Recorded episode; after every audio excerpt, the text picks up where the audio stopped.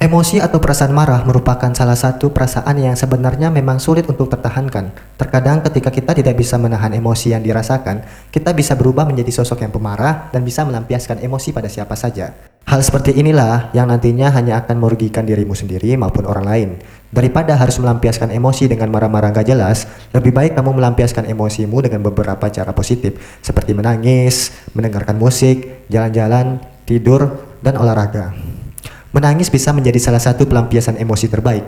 Meski dengan menangis tidak akan menyelesaikan masalah yang ada, namun setidaknya menangis akan sedikit meringankan beban dan emosi yang dirasakan. Seseorang yang menangis kerap dinilai sebagai sosok yang cengeng dan lemah, Pria merupakan kalangan yang sering mendapat cap tersebut saat menangis, sementara wanita lebih dianggap wajar saat mengungkapkan perasaan dengan menangis. Mendengarkan musik juga bisa jadi salah satu alternatif positif untuk meluapkan dan meredam emosi, apalagi jika mendengarkan musik dengan genre keras seperti musik rock atau metal. Dijamin perasaan emosimu perlahan-lahan akan mulai berkurang.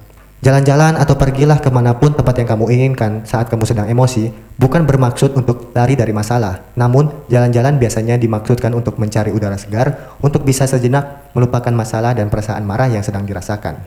Ketika kamu sedang emosi atau marah, kamu bisa menenangkan dirimu sendiri terlebih dahulu. Barulah kemudian kamu bisa tidur sejenak untuk melupakan masalah yang ada. Tidur biasanya akan membuat perasaanmu menjadi lebih rileks. Olahraga bisa menjadi salah satu kegiatan paling positif yang bisa kamu lakukan untuk meredam emosi.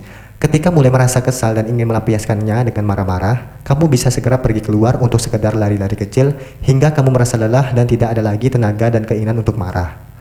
Selain itu, ketika sedang merasa emosi dan stres, hormon kortisol di dalam tubuh pun juga akan mengalami peningkatan, sehingga akan membuat nafsu makanmu bertambah.